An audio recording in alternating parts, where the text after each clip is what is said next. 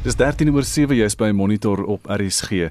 Suid-Afrikaanse hoërskole neem gemiddeld 10 jaar om een matrikulant te lewer. En dis die bevinding van die Universiteit Stellenbosch se navorsingsgroep oor sosio-ekonomiese beleid onder leiding van professor Servaas van der Berg. Nou spreek bespreek ver oggend die onderwerp met hom en dan praat ons ook met Chris Klopper. Hy's hoof van die SA Onderwysersunie. Kom ons begin by jou goeiemôre Servaas, goeiemôre Chris. Goeiemôre.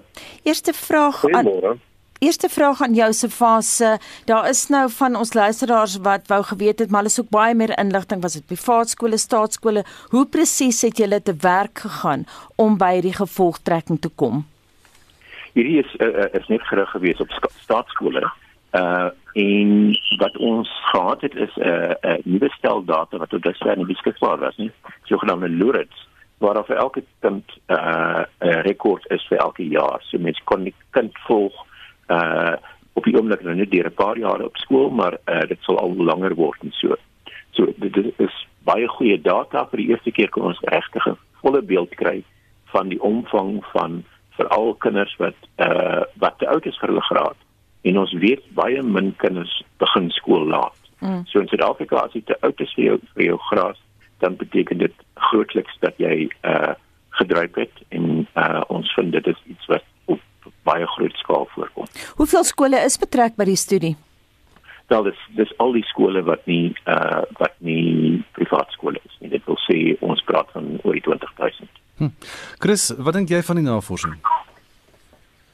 Wel ek dink dit tot 'n groot mate kan 'n mens sê die volgende is dat dit skep die die wanindruk dat dit 'n kind nie 10 jaar neem om deur die hoërskool te kom. Ek dink waar waar 'n mens moet kyk is jy moet kyk na die verskillende statistiek wat ter sprake is. In die eerste plek, um, ek dink die loerde syfer waar waar na die professor verwys, is die Learner Unit Reporting Information and Tracking System.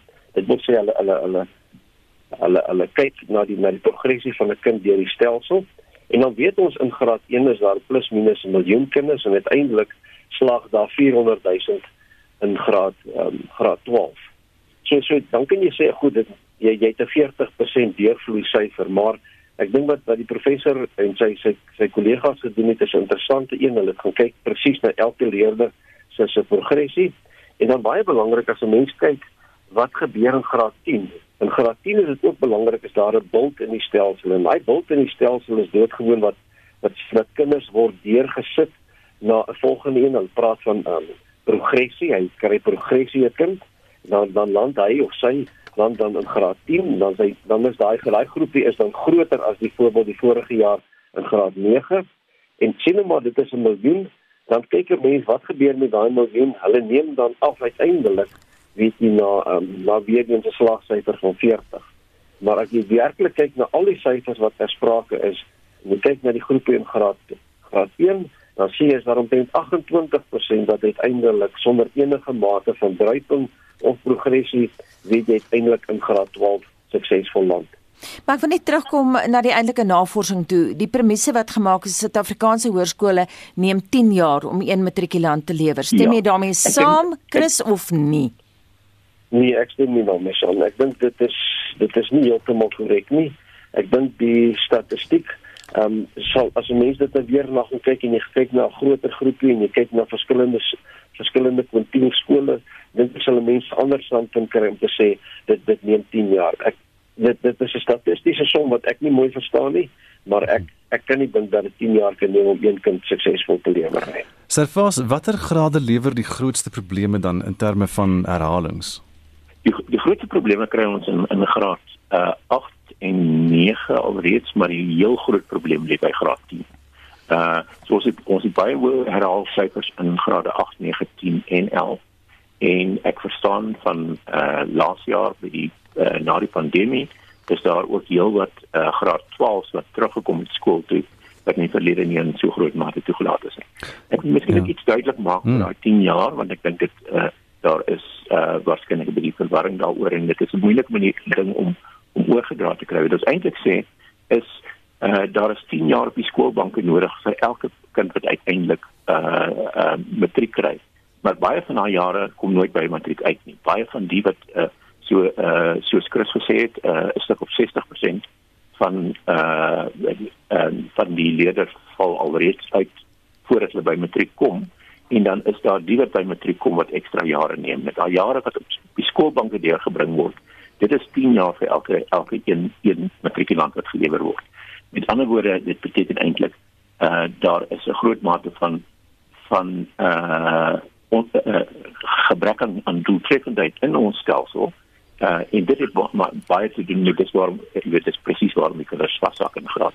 Dis wat ek vir jou wil vra, wat is die rede? Hoekom hoekom herhaal hulle? Hoekom is dit nodig om grade te herhaal?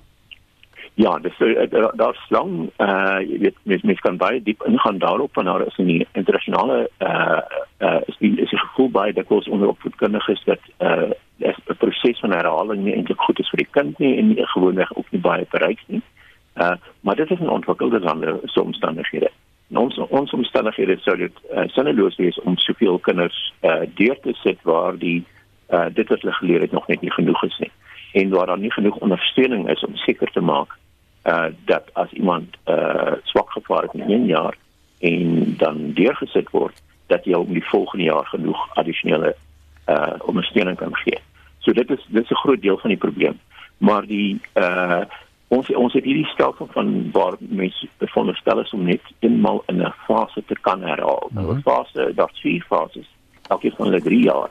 En in die vroeëre fases is uh, tipies wat dan gebeur is dat die kind in die eerste graad van die fase soos in graad 4 byvoorbeeld herhaal en dan kan mag hulle nie weer in graad 5 of graad 6 terughou word. Hmm. Nou met die met die laaste fase die uh, die verdere opleiding uh, in ontwikkelingsfase is dit uh, word dit eintlik nie so so toegepas nie. Die minister het in 'n stadium probeer om meer uh meer kinders uh progressie te gee deur die stelsel. Dit het nie baie suksesvol gewerk nie, maar die groot ding is uh skole wil uh gegee ook dat hulle uh hulle oog het op die matriekeksamen wil hulle nie uh kinders deurlaat as hulle nie dink hulle is uh gereed om aan te gaan nie. Mm -hmm. En dan kan ons dit dat 'n baie groot deel van ons kinders eenvoudig nie is nie. So, amper amper 60% hmm. van kinders in die in grade 10, 11 en 12 uh het minstens een keer herhaal en in daai groep van uh van grade uh is daar een uit elke 5 kinders wat minstens 3 keer herhaal alweer herhaal het op skool. Ek wil terugkom na wat Chris gesê het. Hy stem nie saam met julle navorsing nie. Wil jy repliek lewer op daai kritiek se fase? ek ek dink dat eh miskien het ek het ek 'n uh, bietjie opheldering gegee deur wat ek nou gesê het. Dit nie gaan daaroor dat ons sê jy weet uh, elke kind wat weer kom eh uh, uh, ge gebruik gemiddeld het gemiddeld 10 jaar nodig gehad om deur te kom nie. Maar eh uh, deur matriek nie. Maar wat ons sê is dat vir elke matriek sertifikaat wat uitgereik eh uh, uitgereik word is daar 10 jaar se uh op uh, op die skoolbanke sit in uh, in die, in die hoërskool van of daardie kinders of die kinders wat nooit by matriek uitkom. Chris maak daardie som vir jou sin. Kyk ek ek dink 'n punt wat 'n mens ook moet maak is dat dit nie net die skuld van die van die van die hoërskole is nie. As jy kyk na die statistiek praat hulle altyd van hulle praat van 'n bult aan die einde van 'n betrokke fase, die eerste fase, die grondslagfase graad 3, kry jy dan kinders wat wat wat wat wat inderwaarheid bietjie geprogresseer het, geprogresseer het, hulle is deurgesit en dan graad 4 word hulle teruggehou. Daai fase is die intermediêre fase 4, 5 en 6. En dan kry jy weer 'n bult hier min of meer in graad graad 7 behoort jy te kry. Maar wat die laerskole doen is hulle hou nie daai kinders terug in graad 7 nie. Hulle hulle hulle gee hulle aan vir die hoërskole en dan word dit die hoërskool se probleem. En dan kry jy eintlik wat jy praat van um, jy kry 'n groter probleem in die hoërskool as wat nodig is en dan dis hoekom jy dan eintlik aan die graad en hier by graad 10 se kant het jy daai geweldige bult wat jy die groot groep leerders het en dan het jy ook die beginsel wat hulle noem in die onderwys wat hulle praat van gatekeeping. Hulle hou die kinders terug wat nie reg is nie of hulle haal hulle die stelsel uit en dan gaan hulle nie deur na graad 12 toe nie. Maar die groot probleem begin eintlik in graad 1 en veral in die grondslagfase wanneer daar nie behoorlike onderrig is waar kinders moet leer en lees nie. En soos mense sal agterkom is dat van die groot indikatore om kinders weet jy te laat laat vorder op skool is hulle lees en skryfvaardighede en dan basiese berekeninge in wiskunde. En as daai twee vaardighede nie daar is nie, dan dan dan vorder kinders doodgewoon het. Se fas hoeveel geld kos die herhalings die land? Dan as mens wil net sê hoeveel uh, ministers daar daar op skool sou wees as jy nie hierdie herhalings het nie. Uh dan sou jy kon dit kon omsit in om omtrent so uh, 25 miljard rand, 25 miljard soos mense uh uh meestal dan na verwys dis dan. Uh en dit beteken uh mense sou kon sien as dis hoeveel minder daar betaal sou hoef te geword het vir onderwysers aan die een kant. Aan die ander kant sou mense sê dit is die geld wat gebruik sou kon word om meer aandag te gee aan die kinders.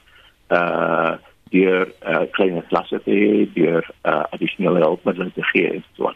So uh op 'n manier is is 'n uh, jaarsherhaling is meestal vir die stelsel is dis 'n uh, finansiële vermorsing. En dit iets wat ons uh waarvan ons minder moet hê, maar uh ons uh, kan dit nie doen sonder om uh te daar gewerk word aan die gehalte self. Net uh, laasens Chris, wat is die pad vorentoe?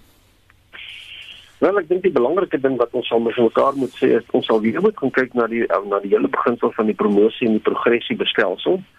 Ehm um, as jy gaan kyk doodgewoon na wat is 'n slag wat nodig is om deur te kom. Ehm um, as jy sien maar jy het 6 vakke dan het jy 3 of 40% nodig waarvan jou huistaal 1 moet wees en 3 of 30% en dan dan kan jy slaag.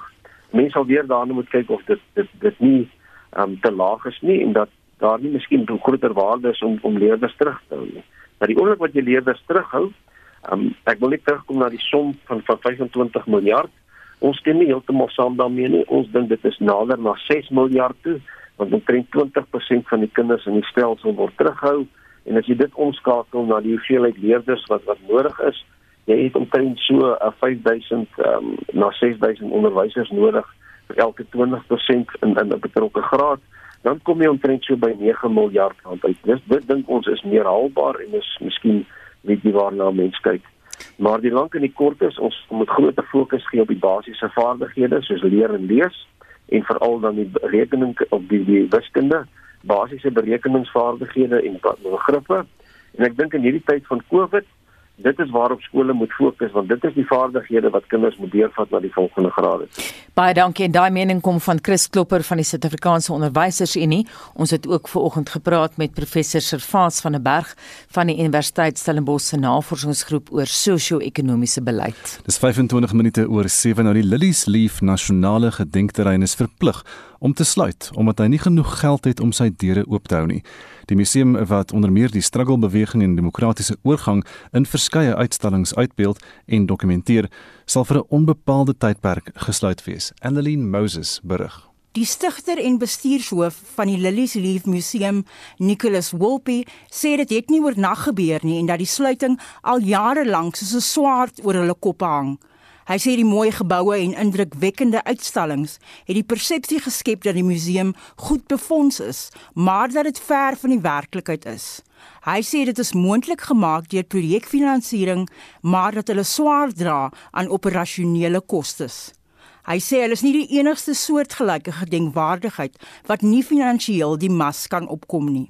Historical sites, cultural institutions and certain art is not there to make a profit. It is there because it is essential to define who we are as a society. It is essential for our being, for our soul, for understanding who we are. And that you can't at any stage put a value to. Woolpie sê die museum was aan die begin van die jaar reeds vir 'n tydperk gesluit omdat hulle aanvanklik nie salarisse vir Januarie, Februarie en Maart kon betaal nie. Hulle het egter verskeie pogings aangewend om weer op die been te kom. And then when I brought that to the attention when we decided to run a crowdfunding campaign, we were able to secure funding. It was funding that could only take us so far and no further, that we were living on borrowed time. So this day was inevitable, and if in the sense of if we didn't secure the support and funding that we required.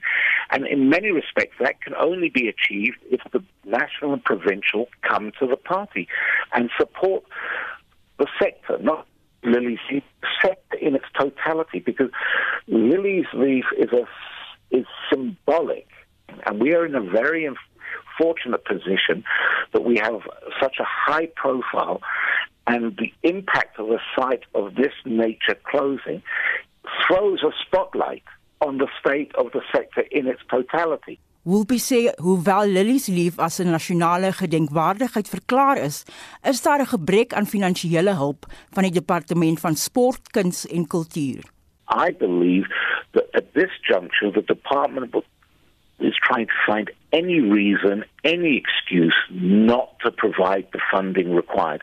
Because the last lot of funding we received was, uh, was in March of 2015 six years ago. And in fact, during his interview, the DG said, We recently funded Lily's Leaf. Now, if you go to the Oxford English Dictionary and how they defined recently, it is either one to three months or one to three years. That's recent. Woolpie sê vir Lilies lief om sy deure te heropen, moet daar herbesin word oor die staat se rol ten opsigte van historiese en kulturele instellings en hoe hy in totaliteit met die sektor omgaan.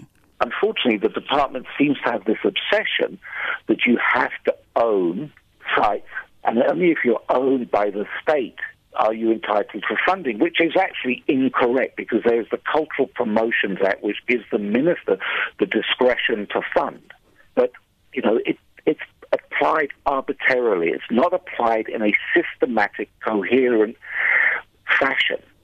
So the first thing is that government needs to recognize that its role is to support the sector in whatever shape or form is required, whether that is creating an enabling environment or creating an enabling environment through providing financial uh, support. Because I think that's fundamental. Whoopi sê ook dat een van die grootste probleme is dat historiese gedenkwaardighede beskou word as 'n ekonomiese dryfveer om werk te skep, maar dat dit nie hulle primêre doel is nie. So we've sort of put the cart before the horse. And because we've done that, it has defined how we also perceive the sector. The, you know, heritage is not about making profit. The sector is about preserving the rich history, traditions of who we are as South Africans, which forms fulcrum of defining who we are as a country, how we come together, the basis for social cohesion, the basis for unity, the basis for defining our national interest, because out of that we have a shared identity. Dit was die stigter en uitvoerende hoof van die Lilies Leaf Nasionale Gedenkwaardigheid, Nicholas Wolpe. Die departement van sport, kuns en kultuur is genader om kommentaar te lewer en het aangedui dat hulle wel sal reageer. Ek is Annelien Moses vir SAK nuus in Johannesburg. Is dit jy die vloer? Sandra de Rubou laat weet ek het 5 dekades lank skool gehou en tutor nog vir 2 ure per week en die laaste paar jaar het ek oorbrugging gedoen met die taak om landelike kinders wat beurse gekry het om te help om die gaping tussen hulle akademiese ouderdom en kronologiese ouderdom te elimineer. Ek het lesse ontwerp om die tekorte aan te vul en soms alles net so laat staan om as 'n probleem sy kop uitgesteek het dit dadelik aan te spreek. Vandag vlieg daardie kinders in die privaat skole waar hulle is. Ons moet eerder konsentreer op vaardighede as inhoud dan net ons kwaliteit eerder as kwantiteit. Bring ook onderwyskolleges terug want hulle het professionele hoogsgeskoolde onderwysers gelewer. Vandag is onderwys net nog 'n werk. Kom ons luister wat van ons luisteraars in ons stemnotas sê. My naam is Joshua Boksburg. Ek dink ja, dit is nou miskien nou nie lekker om met hardebaard in stande 6, 7, 8, 9 en 10 te sit nie, maar ja, daar is uh, hardebaard kinders wat op die strate sit wat al vir die afgelope amper 20 jaar nie werk kry nie. So mense moet maar kies, jy weet, byt nou maar die spit af en doen die ding, kry jou geleerdheid en kry klaar of jy gaan op die straat sit en jy gaan ook nie werk kry nie. So dit is nie 'n baie moeilike keuse om te maak nie. Gea Kloete. Ek was in 'n tegniese skool en ek dink dat leerders bietjie sukkel om werk te kry as hulle na 'n tegniese skool toe gaan. Ek dink as ons 'n sanksie instel wat sê wanneer 'n kind ry, daardie ouer X bedrag belasting ekstra moet betaal in die daaropvolgende jaar om sy kind op die skoolbank te hou, sal ons hierdie effek teewerk van ouer kinders wat nie saam met jonger kinders in dieselfde graadgroep hoort nie. Dit is dalk net 'n voorstel. Die oplossing vir hierdie probleem is die regering moet ophou om geld te steel. Punt nommer 1. Punt nommer 2 is is as 'n leerling, leerder, op 'n sekere ouderdom kom, dan moet jy na 'n spesiale afdeling, spesiale skool toe gaan. Nie op dieselfde perseel nie, maar 'n ander skool. 'n Aanpassingsklas moet belangrik dat die ouderdomme dieselfde moet bly. Gewone onderneming, want die boelie sal daar wees vir al die een wat uit die tronk uitkom. So bou 'n ander afdeling fisies in elke provinsie, elke dorp waar daar 'n skool is. Ons praat vanoggend oor ouer leerdlinge wat jaar na jaar steeds op die skoolbanke sit sonder om matriek te bereik en dis nou na aanleiding van 'n verslag van 'n navorsingsgroep oor sosio-ekonomiese beleid by die Universiteit Stellenbosch. En ons wil by jou weet, wat dink jy van leerdlinge wat jaar na jaar steeds op die skoolbanke sit en nie matriek kan bereik nie. Stuur vir ons 'n SMS vir oulaas na 45889 teen R1.50 per SMS. Gaan ons Monitor en Spectrum 'n Facebookblad en gesels daar saam of WhatsApp vir ons stemnota na 076 536 69 61. Jy luister na Monitor de 737. Ons kyk na wêreldnuus gebeure en die aankondiging van 'n nuwe regering in Afghanistan word teen môre verwag. Terwyl die Taliban spog met hulle gebuite Amerikaanse wapentuig, is Afghanistan se ekonomie op die randjie van ineenstorting en ons gaan nou by Marlenae aansluit vir meer inligting hieroor. Marlenae Hallo Anita, die kans dat die nuwe regering toegang gaan kry tot sy internasionale reserve in westerse lande is uiters skraal. Die Wêreldbank en die Internasionale Monetaire Fonds het die krane toegedraai. Intussen styg die plaaslike prys van basiese behoeftes en banke bly toe. No one has any money right now. All their savings are stuck in the banks. People are just bringing small amounts of cash here to exchange, to pay for everyday living. I needed money for groceries, but the exchange rate isn't good, so I'm going home. The currency rate just keeps on fluctuating. Ibrahim Bahis van die organisasie Crisis Group sê die is die Taliban se grootste uitdaging.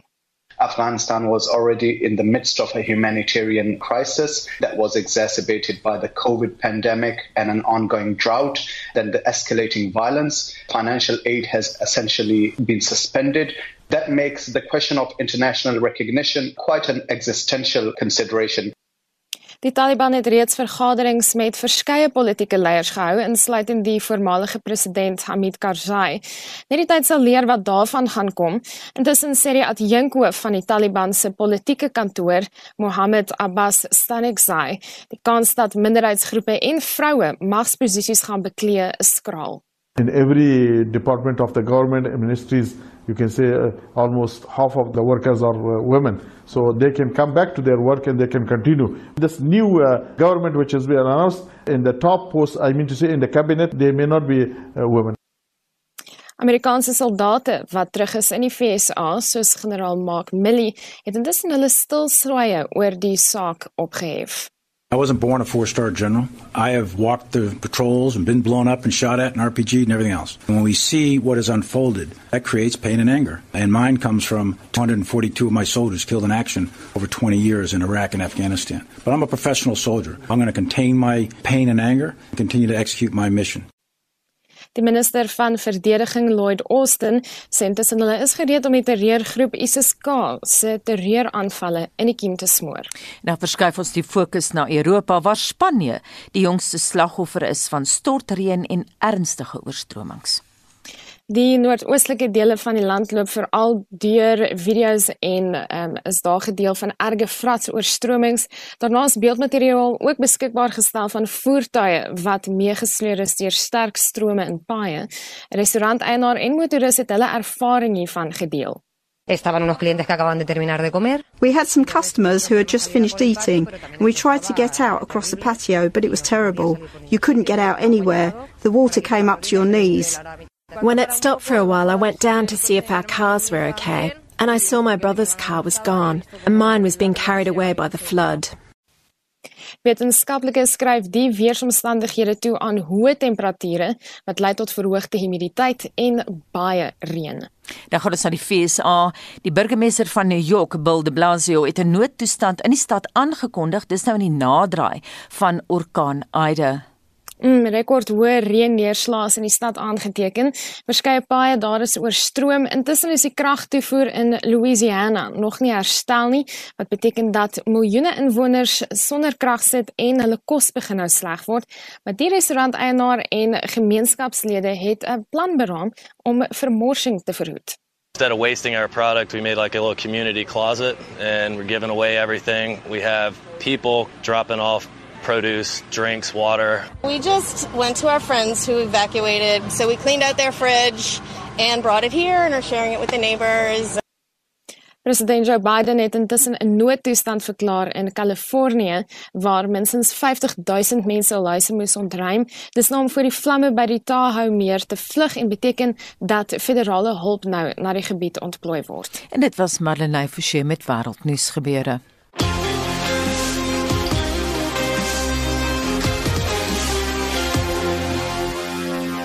En ons beweeg nou na die sportveld. Hier is Shaun Jooste.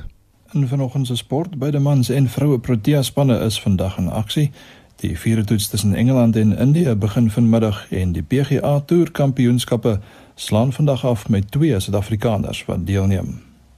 Die Protea manspan is weer op die internasionale arena in aksie met hulle eendagreeks in en teen Sri Lanka wat half 12 in Colombo begin. Die reeks bestaan uit 3 wedstryde en word gevolg deur 3 T20 wedstryde. Themba Bavuma sal die span aanvoer.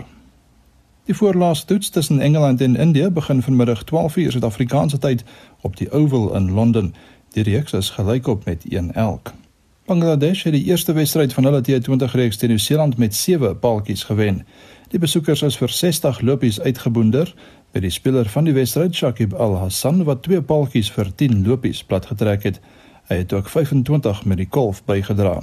Dit was Bangladesh se eerste T20 oorwinning oor Nieu-Seeland. Die reeks bestaan uit 5 wedstryde.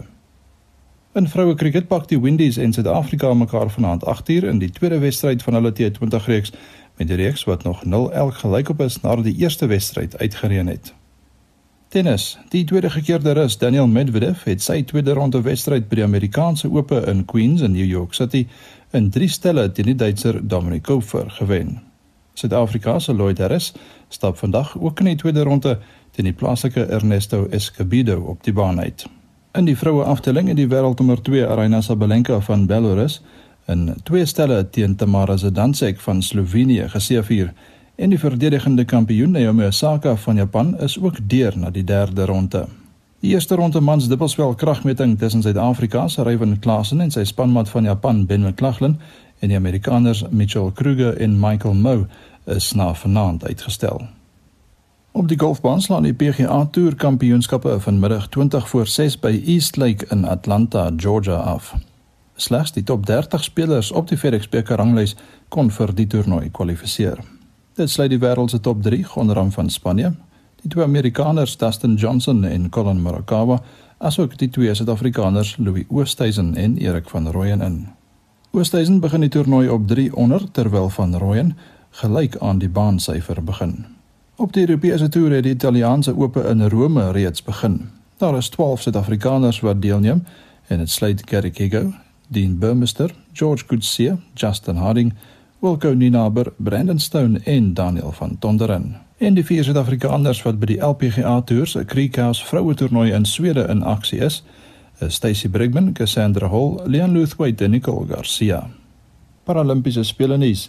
China domineer die Paralimpiese spele in Tokio in Japan en het 68 goud, 43 silwer en 36 bronsmedaljes na 8 dae ingepalm. Die Russe het in die tweede plek ingeskuif en op 32 goud, 20 silwer en 37 bronsmedaljes gestaan met Groot-Brittanje op 30 goud, 24 silwer en 32 bronsmedaljes in die derde plek. Suid-Afrika kon geen medaljes op dag 8 wen nie en het steeds op 3 goud, 1 silwer en 1 brons gestaan. En laastens in sokkernuus. Van die tellings in gister se Wêreldbeker kwalifikasiewedstryde in die Afrika groep was Mali 1, Rwanda 0, Egipte 1, Angola 1, Libië 2, Gabon 1 en Senegal 2, Togo 0. Vanmiddag 3 uur speel Kenia teen Uganda, vanaand 6 uur Namibië teen Kongo en 9 uur Marokko teen Sudan. Shaun Schuster, RSG Sport. 'n Nuwe verslag uit Brittanje sê dat sowat 'n derde van die wêreld se boomsoorte deur uitsterwing bedreig word. Uit die sowat 60 000 boomsoorte het 142 reeds uitgesterf. En volgens die verslag is dit hoofsaaklik menslike bedrywighede soos die uitkap van woude wat boomsoorte bedreig. En ons praat vanoggend hieroor met die bekende plantkundige Ernst van Jaarsveld. Ernst, goeiemôre. Goeiemôre. Dis 'n ontstellende syfer hierdie 142 volgens die verslag reeds uitgesterf 442 op die randjie van uitsterwing. Wat beteken dit vir jou uh, as 'n plantkundige? Uh jong, dit is ja, dit is dis ongelooflik eintlik wat wat aan die gebeur is. Maar dit is meer in in dele soos byvoorbeeld Madagaskar waar hulle byvoorbeeld uh omtrent 3000 boomsoorte en daar uh, is natuurlik daar sterf hulle baie vinniger uit En dit is eintlik waar die probleme uh, begin het. En hulle het eintlik uh, verskeie brandpunte oral oor die wêreld het hulle uh, vasgestel of boombrandpunt verspreidingsgedeeltes. En so het hulle gekyk watter dele van die wêreld dit ja prioriteit moet kry. En dit is maar eintlik die die die, die hulle toe die GTA gestig, die Global Tree Assessment om te kyk en dis is maar eintlik 'n inisiatief van die wêreld se grootste bewaringsnetwerk, die die BGCI Botanic Botanical Gardens Conservation International en met 600 botaniese tuine as lidmate.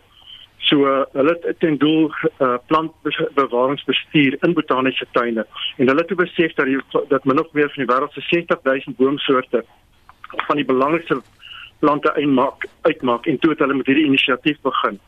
En hulle het uh uh en dit hulle het in 2015 begin en uh, sopas dit ja natuurlik gepubliseer en besef dat daar soveel bome bedreig word. Maar gelukkig in ons eie land ons gebome, ons eie bome is baie meer uh, in 'n gesonde uh, uh, posisie en ek dink dis deur die departement van bosbou wat al jare gelede baie van ons bome bedreig uh, op beskerm het en en uh, uh, so so ons ons eie uh, bome in Suid-Afrika ja, is in 'n baie baie beter kondisie eintlik. Hmm. Maar dit dit gaan maar eintlik alles oor habitatsbewaring en hoe meer ons die die habitat kan bewaar en baie van die bome kom op net byvoorbeeld party kom net op sekere geologiese formasies voor of 'n sekere hoogte bo see speel. En uh en gelukkig in in dit is hier vir al dele wat 'n wat 'n hoë diversiteit uh uh van terrein het byvoorbeeld met ons bergagtige landskap en so ook in Madagaskar wat dit is maar ons is eintlik ons kan eintlik baie dankbaar wees. So hulle toe 60 instansies wêreldwyd bymekaar geroep en 500 boomdeskundiges het deelgeneem. Dis 'n baie groot inisiatief. So hulle het gekyk na die bewaringsstatus in elke land en toe het hulle gevind dat 32000 van die wêreld se bome bedreig word. En dit is meer as die helfte van die wêreld se 60000 boomsoorte. So in, in toe het hulle besef hulle moet uh, prioritiseer mm, Ernst? En kyk na hierdie ja, Anita. Ons ons moet dit net verder voer nou hierdie onderhoud. Uh, As jy nou sê hierdie boomsoorte word bedreig en so aan en jy het nou spesifiek Madagaskar belig. Hoekom ja. sterf daai bome daar uit? Wat is die oorsaak? Ja, dit is dis kap en brand. So hulle te, hm. wat gebeur is in hulle landbou hoe, hoe hulle uh, landbou toepas. So elke keer kap en brand hulle 'n stuk bos oop en plant meer uh uh plante aan vir kos. En elke keer natuurlik word uh word word dele ontbos. En dit is nie die bome wat daaronder lê nie, maar as jy dink aan die aan die ander diere, die insekte, die voëls, die ape en ander boomlewende uh plante, ag diertjies wat bedreig word. So dit is dit is reg uh, ja, dit is dit, dit, dit is 'n baie ernstige uh, uh ding wat aan die gebeur is. So dit is dit is maar ja, dit is dit is in so Madagaskar is en hulle so ek sê hulle dubbel die bome van Suid-Afrika. Dit is eintlik maar 'n hmm. baie kleiner deel van Suid-Afrika so en en uh So maar in ons eie land so, is dit weer baie meer gesond. Jy praat so van Madagaskar, is daar ander plekke in die wêreld waar dieselfde gebeur soos die Amazone byvoorbeeld? O natuurlik, veral in die in die Amazone gedeeltes. En dan sal ek ook sê in die, in die in die ooste en die tropiese uh woude van die ooste waar baie baie van die woude uitgekap word. Hmm. Natuurlik dan dan jy natuurlik groter uh uh aapsoorte wat ook uh uh ja bedreig word selfvertyd want dit is eintlik maar die habitat. Maar as mens dink aan die aan die belang van bome wat dit beteken kos voorsien, ons hout voorsien. En dit gaan maar eintlik maar net ons is net te veel op die planeet en uh mense en elke keer ons ons het uh ons het hout nodig, ons het uh, uh land nodig vir meer uh, kos produseer en uh en so word die ja dit is maar net ons planeet word al hoe kleiner. Mm. En hoe sien jy dinge in 5 jaar se tyd? Sjoe, in ons in ons eie land, ek dink uh ek hoop maar ja, ek ons, ek wil nie te negatief wees nie. En en ek hoop maar dat dat hierdie inisiatief sal lei dat dat uh dat die onderskeie lande sal uh, wette plaas en die in die dele verder beskerm of in habitats beskerm nie net die bome nie maar dit is maar eintlik in en veral vir vate stig. So uh, ek dink die die wêreld sal daarop ag gee en en as jy dink ja dat ja die bome natuurlik die koolstof bind natuurlik ook afverwarming teewerk. So ek dink dit is 'n ernstige saak en ek dink hoop maar dat mense gaan uh, ag gee daar op die onderskeie lande veral in in Suid-Afrika. Baie dankie daai pleidooi kom van die plantkundige Ernst van Jaarsveld. Dis 8 minute voor 8 en die voormalige besturende direkteur van die Life Esidimeni groep, Dr. Morgan Kachwa, sê hy was nie verantwoordelik vir die pasiënte wat na ander fasiliteite oorgeplaas is nie. En so het hy die ondersoek na die dood van die 144 live Esidimeni uh geestesgesondongestelde pasiënte in die Hooggeregshof in Pretoria meegedeel. Hy sê hoewel pogings aangewend is om pasiënte aan medies bekwame mense te oorhandig, het sommige in swak toegeruste fasiliteite beland na die oorplasing deur die Gautengse departement van gesondheid. Mkhatshwa is by die geregtelike doodsondersoek ondervra oor sy beweerde rol met die verskywing van geestesongestelde pasiënte uit Life Esidimeni. Dit het sedertdien gebleik dat die meeste van hulle sonder behoorlike mediese leers verskuif is. Mkhatshwa sê hoewel die fasiliteite deur die departement aanbeveel is, het hy sommige daarvan nie persoonlik besoek nie en geen kennis van hul toestand gehad nie. Hy het egter toegegee dat sommige pasiënte onder hulle kinders reeds by die sentrum gesterf het voordat die proses van oorplasing begin het. I've indicated earlier on that death is beyond control and every health facility do have deaths. So doctor do you agree that uh, patients or other patients did die at life Isidimeni facilities even before the termination of the contract was talked about by the Gauteng Department of Health. Do you agree? My learned colleague, yes, patients did die. We did have deaths at Life Many facilities before the project was started. Die rasverteenwoordigers van die gesinne van die oorlede pasiënte was nie oortuig nie. Hulle wil meer antwoorde van Mkhatshwa hê. Year 2012 to year 2013, according to this table, 84 patients died in different life Isidimeni facilities. What's your comment, Doctor? I have already earlier on indicated that every death at Life Isidimeni was investigated and was reported to the Department of Health. And during that period, eight patients died at Baneng, male and female. 19 patients died at Rand West Care Center. 31 patients died at Randfontein Care Center, 9 patients died at Waverley Care Center, and 17 patients died at Ward Center. And the total came to that 84. Do you agree, Doctor? Yes, I agree. Okay. Sy verdedigingsadvokaat moes ingryp aangesien hy nie gepaste antwoorde kon gee op sommige van die vrae wat aan hom gestel is nie. Maar Mkhatshwa het in sommige gevalle probeer reageer.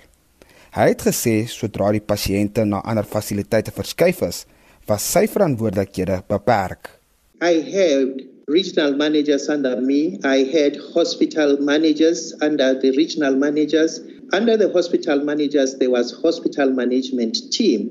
Those were the people who were tasked. I wasn't going to be there on a daily basis. And there were officials of the Department of Health that were stationed at the facilities for this very same reason that we did not want to hand over mental health care users to non-clinical people. Okay, but my question to you, doctor, is that you were not there at all material times, correct? Very true. 4 weke is vir die geregtelike doodsondersoek op sy gesit met nog getuies wat na verwagting sal getuig.